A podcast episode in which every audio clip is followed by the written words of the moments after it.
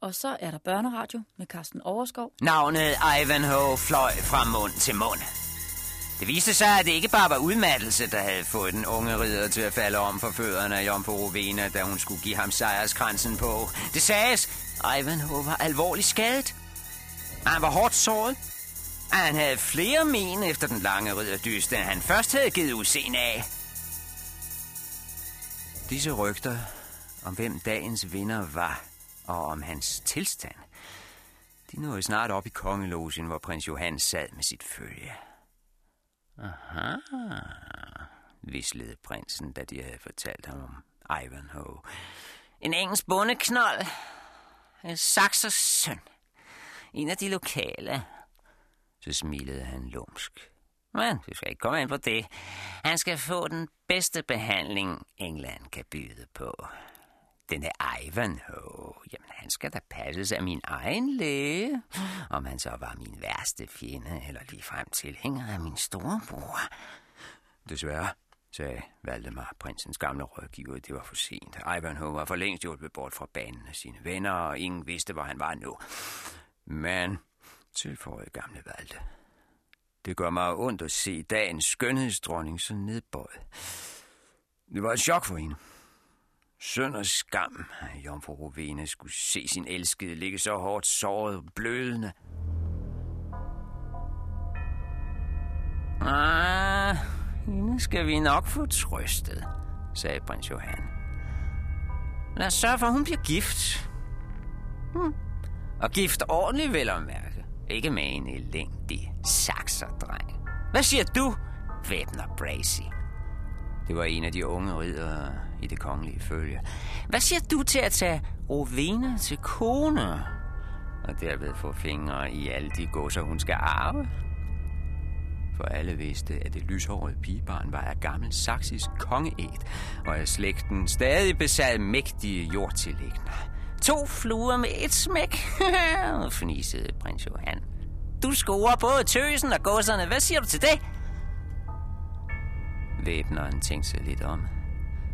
Så trak han på skulderen. Øh, hvad pokker, altså? Hvis godserne er gode, så tager der gerne pigeparne med i købet. Godt, sagde prins Johan og rejste sig.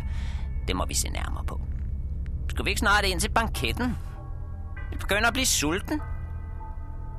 Men i samme øjeblik blev han afbrudt af et bud, der kom meget forpustet og stak ham et brev i hånden. Et lille brev, foldet mange gange, så ikke ud af noget særligt. Men det var ingen ringere end Frankerkongen, der havde lukket brevet, det så man på sejlet. Og den skrabede skrivelse, den var fedtet ind i mange mænds sved. For den havde gået fra hånd til hånd, fra kurér til kurér, og fra fyrste til fyrste. Den havde taget den lange tur fra Wien til Paris, over kanalen til London, og nu de mange mil fra London ud til Asby. Et lille brev, men tag ikke fejl af det! Virkningen på prins Johan var kolossal, da han havde revet sejlet af, flået brevet op og læst den ene linje, der stod. Der blev han lige bleg. Ingen skrivelse i hele verden kunne have rystet ham dybere. Vil man vide, hvad der stod i det brev? Hvorfor prins Johan blev så redselslagen? Ja, så må man lytte med her på 13. del af Ivanhoe.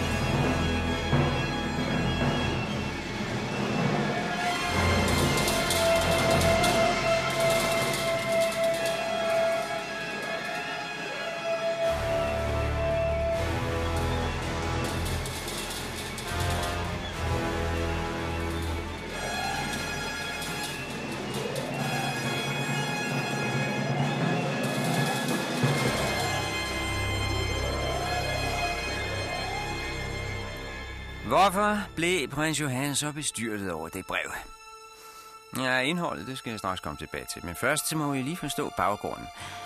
Det er jo en kendt sag, at der altid raser en bitter strid om den britiske krone. Det gælder nu, og det galt dengang for 800 år siden. Der er intet nyt under solen, og der er slet ikke under den engelske tronhimmel. Dengang var det en broderstrid. Kongen, Richard Løvehjerte, han var taget på korstog til det hellige land, og mens han var væk, skulle riget passes af hans lillebror Johan. Men det blev taget lidt for alvorligt af Johan. Han var helst fri for, at Richard nogensinde vendte tilbage. Johan havde fået smag for magten. Han ville selv være konge. Desværre for Johan så overlevede storebror i fin stil over i Mellemøsten. Faktisk så hyggede Richard Løvehjert sig gevaldigt med den muslimske sultan. De havde mange fornøjelige stunder sammen. Og da Richard til sidst indså, at kampen var tabt på forhånd, alligevel så sagde han pænt farvel til fjenden, skænkede dem et par heste, arrangerede et par ægteskaber og begyndte at lunde hjemme til England igen. Men der var det så heldet tilsmilede prins Johan. Richard han blev nemlig taget som gissel i Østrig, spærret inde indtil der kom en passende løsesum. Som man kan regne ud, så havde prins Johan jo ikke den store lyst til at spendere mange skilling på at få sin storebror fri. Faktisk så så han helst, at løvehjertet blev bag lås og slå i Langbortistan og blev siden der rådnet op resten af sit liv. Det var situationen den dag i Asby, da kureren kom stønnende og pustende ind i prinsens låse på stadion og afleverede det skæbnesvanger brev,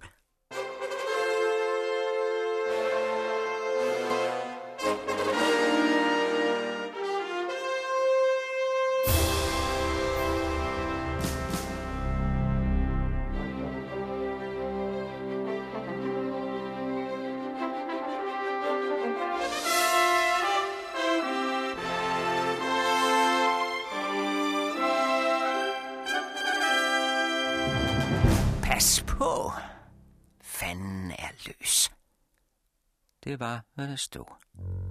Pas på. Fanden er løs. Kun de fem år. Men det var rigeligt for Johan. Han var ikke et sekund i tvivl om, hvem fanden var. Prinsen blev lige bleg som et lagen, og hånden sidrede på ham, da han rakte skrivelsen videre til gamle Valde. Reven er åbenbart sluppet ud af saksen. Prins Johan kæmpede for at bevare roen i stemmen. Vi kan vente og se det udyr hvert øjeblik. På engelsk jord, hvad gør vi, Valde? Den gamle rådgiver behøvede ikke mange sekunder til at læse, hvad der stod og til at overskue konsekvenserne. Hvis, sagde han, hvis det virkelig er sandt, at jeg er storebror Richard Løvehjerte. Nævn ikke det navn, det har jeg jo sagt.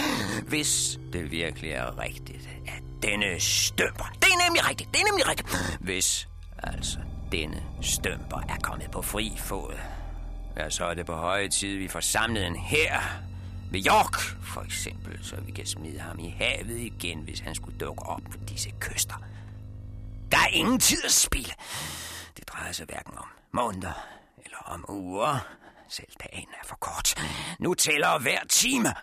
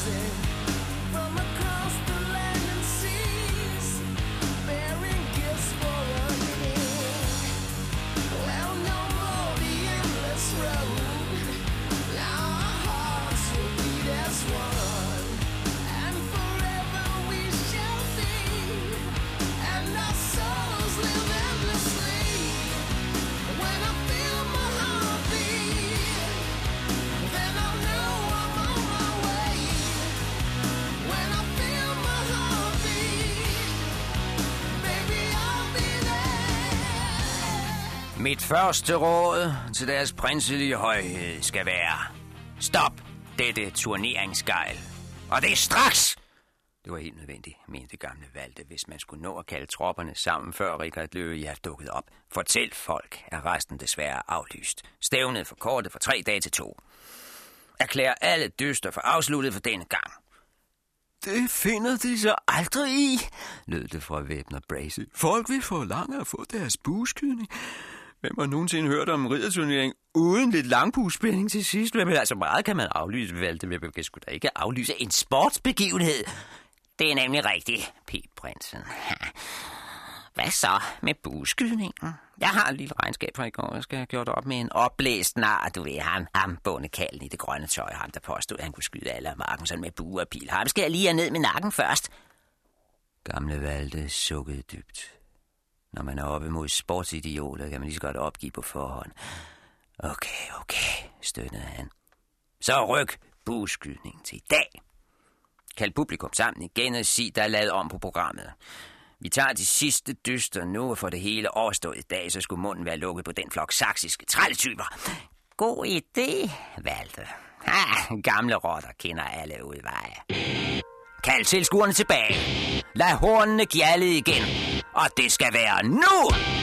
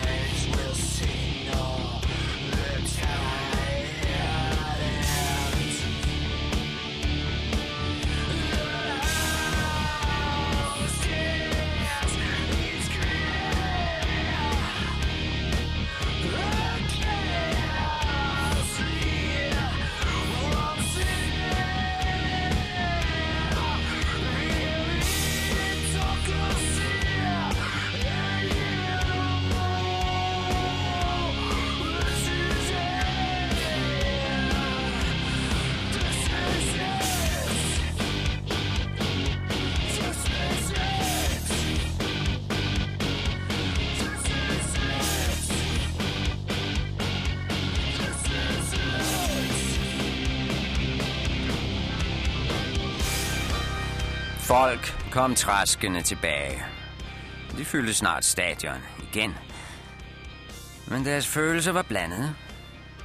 På den ene side fik de en ekstra disciplin for æren i dag, som de ikke havde regnet med. Det er jo altid godt. Bueskydning, okay, godt nok. Men på den anden side, hvad skulle de så stille op med sig selv i morgen? Skulle de gå rundt og trille tommelfinger hele dagen? Bønder har som bekendt masser af tid. Ofte aner de ikke, hvad de skal få dagen til at gå med. Det kan være en katastrofe for nogle bønder, hvis en fest for eksempel bliver aflyst. De er nødt til at finde på en anden fest i stedet for. Eller som her, miste en hel turneringsdag. Nu står man der, uden mål og uden mad, fra solopgang til solnedgang. Med risiko for at dø en stille død af kedsomhed. Så der var en vis muren i gelederne. Og den moren, den blev ikke mindre, da det viste sig, at prins Johan havde fået nogle af sine egne skytter til at stille op i bueskydningskonkurrencen. Det var klart mod reglerne. Aldrig blande amatører og professionelle. Sådan havde det været fra Arils tid. Langbuedysten, den var helt klart for lokale hobbyskytter. Bønder, jæger, freelance-røver og så videre. Folk, man kendte på egen, men i hvert fald ikke for kongelige skytter fra hæren og andre rigsskytter i prinsens tjeneste. De levede jo af det. De var professionelle, det var deres erhverv. Lokalfolk havde ikke en chance så. Unfair var det. Det var noget svineri. Ja, det viste sig da også. De fleste af dem, der havde meldt sig i første omgang, de trak sig lynhurtigt, da de opdagede, hvem de var oppe imod. Det lå faktisk til, at prins Johan havde indkaldt alle sine skrappeste folk i ly af natten. Endog de berømte skovfoder fra Needwood og Charnwood. Det skulle de lokale ikke nyde noget af. Han kunne tro nej. Det endte med, at der kun var ni mand, der overhovedet kan stille op til konkurrencen. Og de otte af dem, det var professionelle skytter i prinsens brød. Og det skulle kaldes en langbueturnering. Den 9. var manden i grøn for i går. Prinsens øjne lynede, da han genså ham. Du der!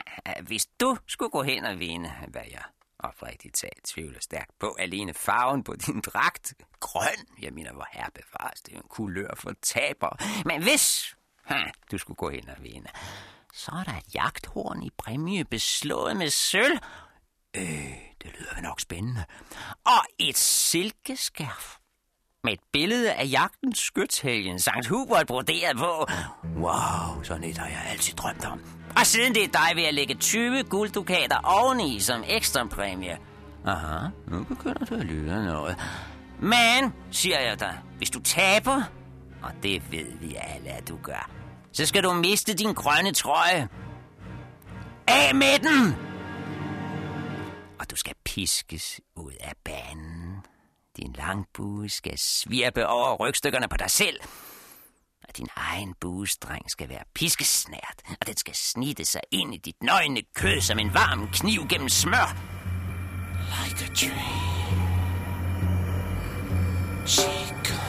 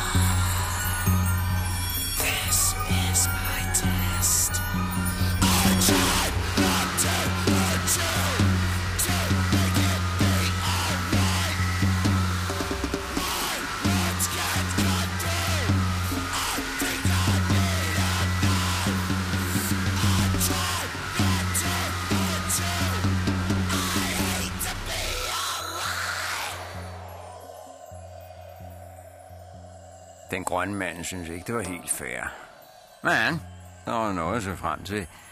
Præmien var slet ikke så ringe. 20 gulddukater ser man ikke så ofte, selvom man kommer en del rundt som fredløse. Af og til falder over en pengekiste eller to, der skal lettes. Men okay, han gik ind på betingelserne. Godt, grinede prins Johan og gav tegn til sine egne otte skytter. Så er det nu. I kan regne med en god steg bagefter og en tønde vin til hver. Skiven blev stillet op, og de ni bueskytter begyndte i en rækkefølge, der var trukket lod om. De havde tre skud hver i første runde. Den grønne mand var sidst.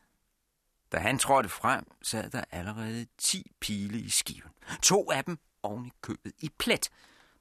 Affyret af en skovfod, der hed Hubert, ligesom jagten skytshelgen, men navnet betød mindre. Hubert var simpelthen en forrygende dygtig bueskyt.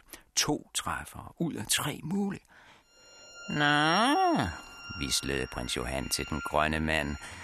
Nu er du ikke så kæphøj mere. Skal vi ikke hellere opgive det hele, hva'? Kald det en dag. Du har ikke en chance, det ved du lige så godt som jeg. Hvad siger du?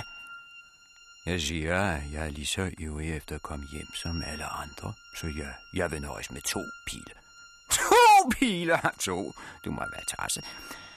Og jeg vil så nødig spille deres prinselige højhedstid, så to må være nok.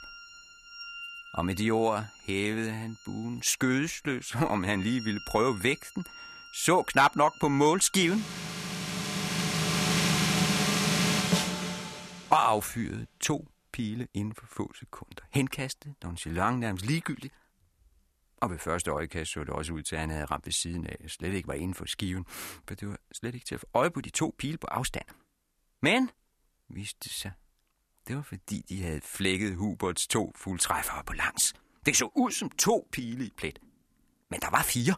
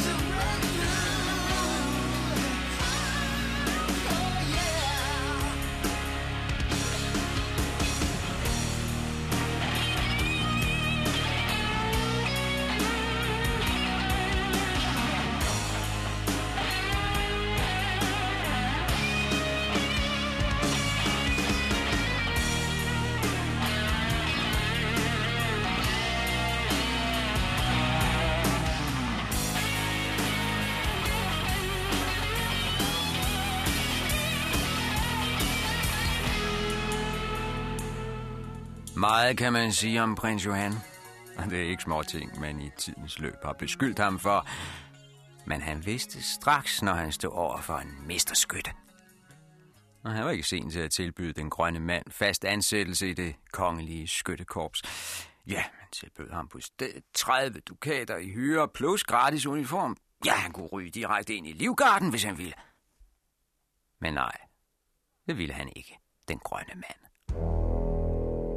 Beklager, Men jeg har allerede svoret en anden herre troskab. Og den herre er jeres bror, Rikard, Jeg er. Mit hjerte, det banker i takt med løvens hjerte. Jeg vil aldrig kunne tjene en franker ven som dig. Jeg vil end ikke tage imod penge fra din hånd. Skænk dine dukater til Hubert, for han skød lige så godt i dag, som jeg gjorde. Og lige så godt som hans bedstefar gjorde ved Hastings for 100 år siden, da I normander kom og knuste gamle England. Hubert gjorde det saksiske blod ære i dag. Giv ham prisen for det, prins Johan. Vis dig stor nok til at overvinde dit ned- og nasseri. Og lad for en gang skyld en god sakser vinde den heder, han fortjener. Og med de ord forsvandt den grønne mand ind i folkemængden. Og en time efter var han tilbage, hvor han hørte hjemme blandt sine fredløse frænder i Sherwoods dybe skov.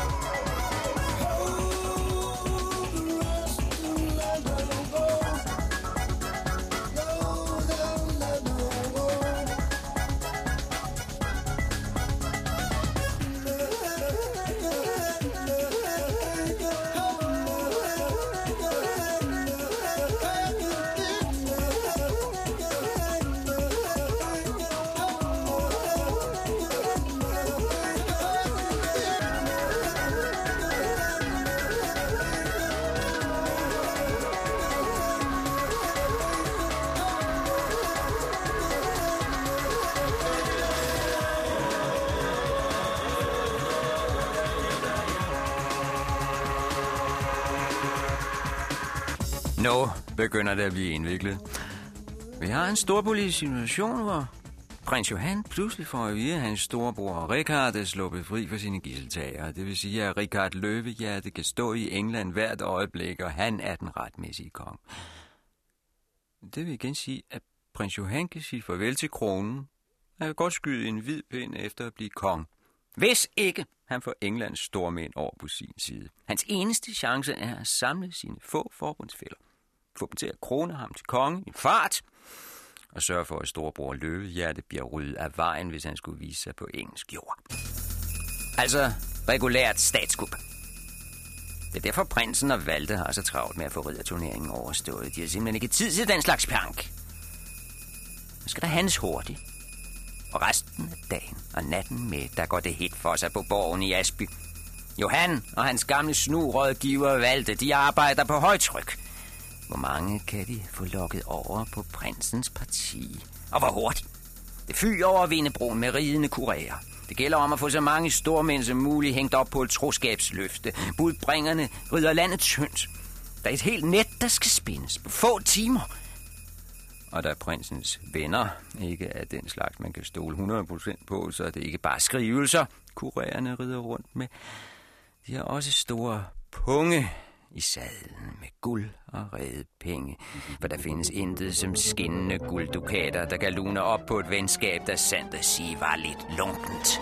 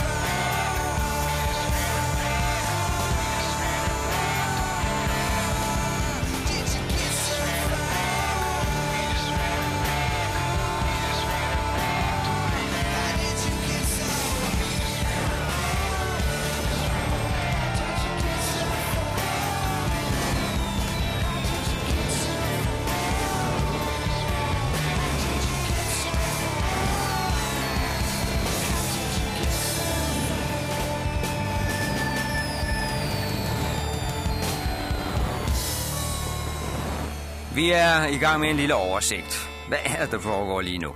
Vi har været inde på prins Johan og hans hektiske forberedelser. Han skal sørge for at blive kronet til konge, før løvehjertet eventuelt dukker op, ellers er han færdig mand. Det er det, der foregår på topniveau.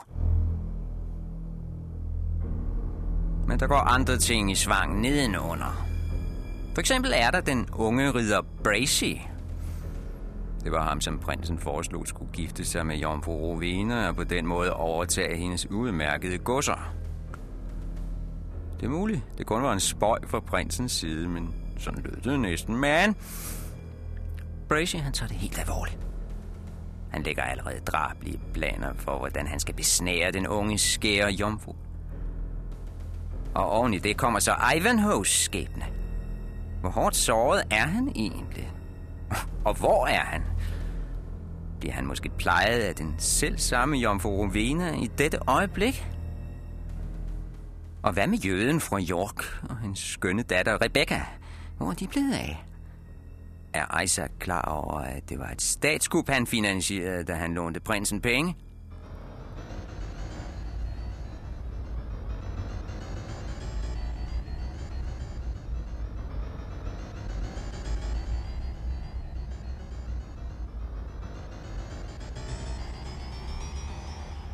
Det er alt sammen meget forvirret.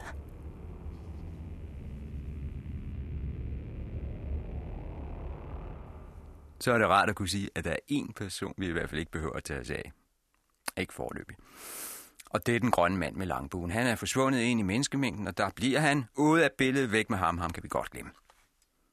Til gengæld er der en helt syvende person, som jeg ikke har nævnt noget om endnu. Jeg har faktisk gemt ham lidt, så det ikke skulle blive alt for overvældende med alle de der personer, der render ud af en. Men nu er jeg nødt til at nævne ham. Den sorte ridder. Den sorte ridder, ja. Sådan en er der også. Sort hest, sort rustning, sort fra ise til fod. Han dukkede op allerede tidligt på dagen. Han var med i ridderdysten på Ivanhoes side. Han klarede sig hederligt. Faktisk var det ham, der reddede vores held i sidste øjeblik. Så vidt man kunne bedømme på den knald sorte rustning, så var det en høj mand, ganske kraftigt bygget, men eftersom skjoldet også var sort, fuldstændig ensfarvet, uden nogen form for våbenmærke, så var der ingen, der kunne se, hvem han var. På det tidspunkt var der altså to ukendte anonyme ridder på banen. Ivanhoe og denne sorte ridder. Det var derfor, jeg sprang over i første omgang. Der var ingen grund til at gøre tingene mere indviklede, end de var i forvejen. Men nu har jeg røbet det. Der er også en sort ridder. Han forsvandt straks efter turneringen, forduftede som duk for solen. Men han er der et eller andet sted. Så har vi endnu et mysterium at arbejde med. People who know me know I'm the one who cries his heart out in a song. One thing life's shown me the only one to blame is you when things all go wrong.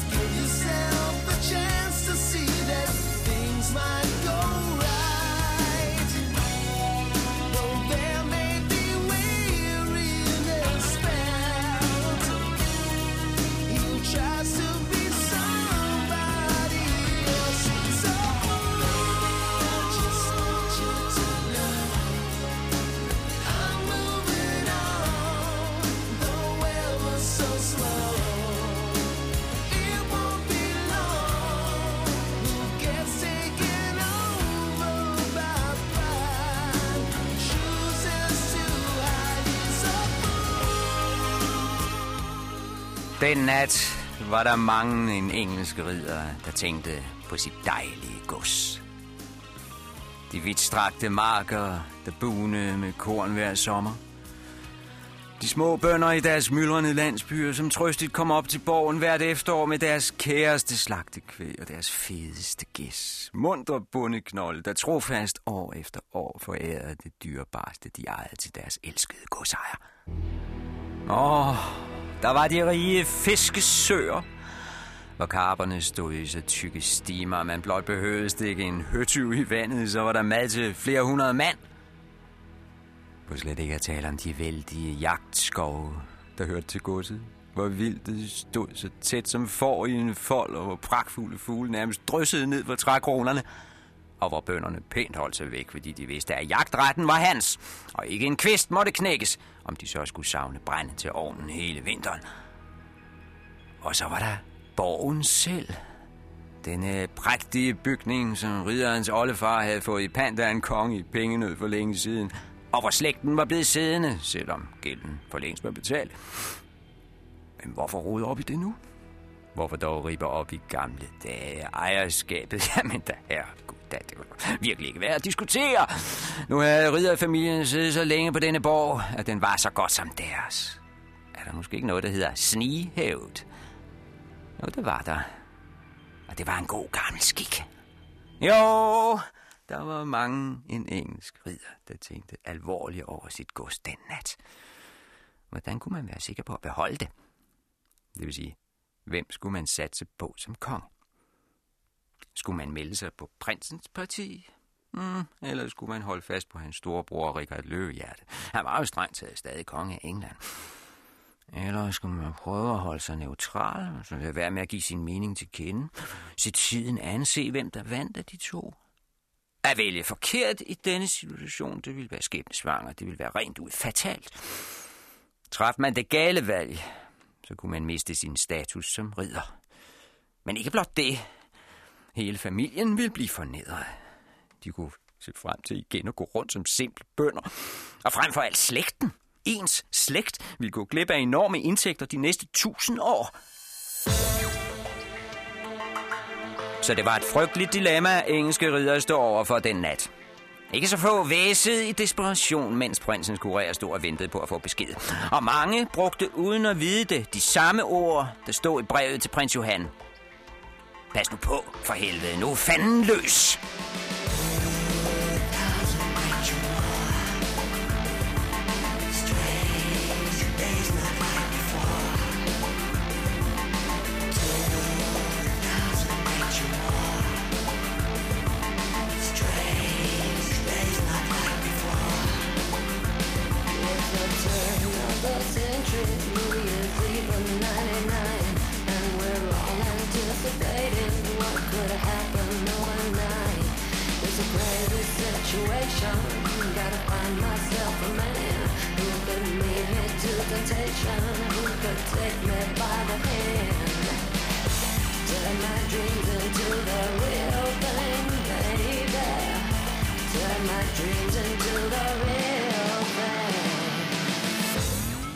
Komme ind på alle de overvejelser, der fandt sted den nat rundt om på alle Englands godser. Nej, lad os blive på borgen i Asby og høre, hvordan Valde lagde tingene frem.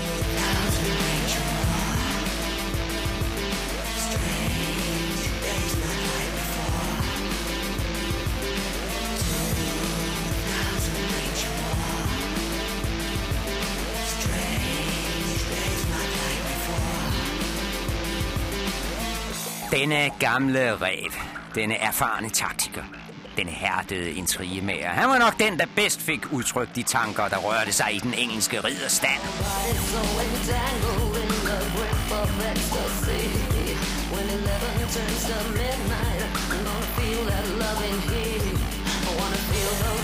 vibrations that you put inside my head. Let's pretend it's for the last time on this bed. Turn my dreams into the real thing, baby. Turn my dreams into the real thing. Og valgte fortsatte og sagde til den flok tvivlrådige store mænd, der var samlet i salen. Hvis løvehjerte vender tilbage, så kommer han for at belønne de ridere, der drog med ham på korstog og hævne sig på os, der blev hjem. Korsfarerne er sultne nu. De er hungrige efter gods. Og det kan kun gå ud over os. Desuden kommer han tilbage for at gøre regnskabet op med alle dem, der har overtrådt landets love og krænket kronens rettigheder. Og vi ved alle, hvad det betyder. Han kommer også for at straffe tempelherrerne og hospitalsridderne, fordi de faldt fra i det hellige land og gik over på Frank og kongens parti. Og endelig, endelig vil løvehjerte komme for at rense ud blandt alle dem, der svor troskab til hans lillebror Johan i hans fravær. Men, fortsatte gamle Valde, hvilken styrke kommer han med? Det er spørgsmålet. Hvor meget kraft er der bag hans hensigter? Ingen, siger jeg. Så godt som ingen. Kong Richard er en stor tapper ridder, ingen tvivl om det. Men hvis han kommer, så kommer han mod os alene. Hans hær, den ligger som skeletter i Palæstinas ørken. Det er muligt, at han overstråler prins Johan, hvad personlige egenskaber angår, det vil jeg ikke anfægte. Men løvehjerte, han har kun ét våben tilbage. Hans eget hævnløsende svær. Og hvor langt rækker det? Mens prins Johan derimod, han kan tilbyde belønning. Store rettigheder fremover, rigdommer. Ja, ære er måske så meget sagt, men i hvert fald rigdom til os alle. Og det er ikke så ringe, vel? Så kære venner, jeg spørger jer i denne stund. Kan der overhovedet være tvivl om, hvem af de to den engelske ridderstand gør klogest i at støtte? Det kan der vel ikke.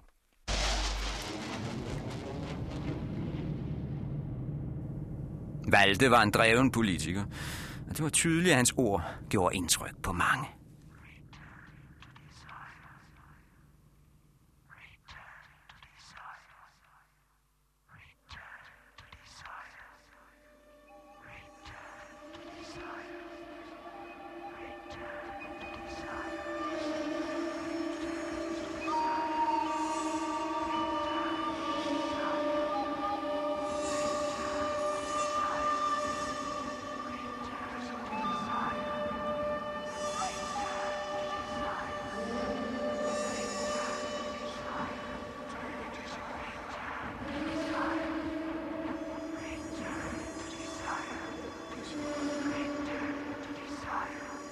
Han fik værvet ikke så få tilhængere til prinsens parti ved den lejlighed.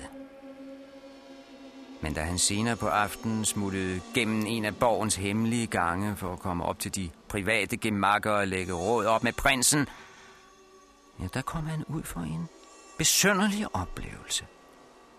Pludselig støder han ind i Bracy, den unge ridder i prinsens følge. Det vil sige, i første omgang var Bracy lidt svær at genkende, for han rendte rundt i stumpet trøjer med grove bukser på og læderhue på hovedet. Han lignede så langt fra en væbner af edelstand. Hvis han lignede noget, så lignede han en fredløs landevejsrøver. Ved Gud, om han ikke løb rundt og viftede med en flitsbue i den ene hånd og en dakkert i den anden og med et bund pile i bæltet. Sig mig gang, siger Valde, da det går op for ham, at det faktisk er Bracy. Sig mig gang, tror du, det er faste lavn, mand? Og du slet ikke opdaget, at vi er ved at lave statskup?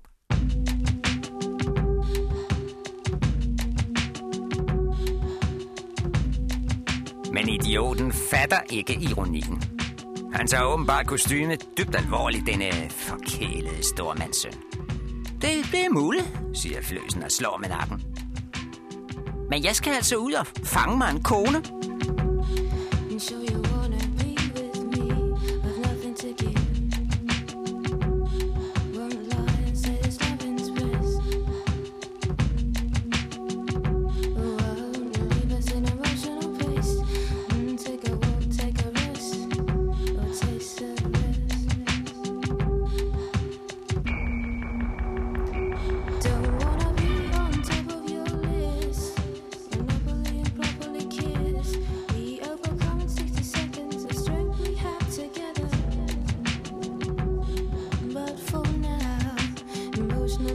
to stay severed.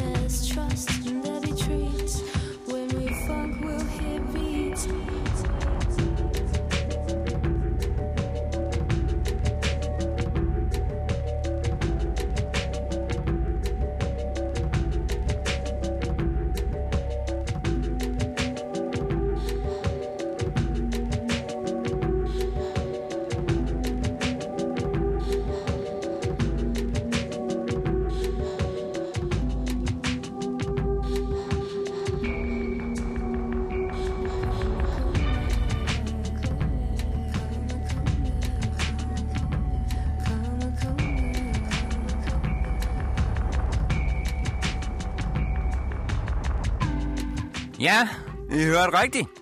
Mens hele Englands skæbne står på spil. Millioner på fastlandet holder vejret i åndeløs spænding. Vil Richard Løvehjerte vende tilbage til sit kongerige, eller er han for altid tabt for den britiske trone? Så er der en lapset lømmel i prinsens følge, der tror, han skal ud i score damer. Man forstår gamle Valde, han havde svært ved at bevare alvoren.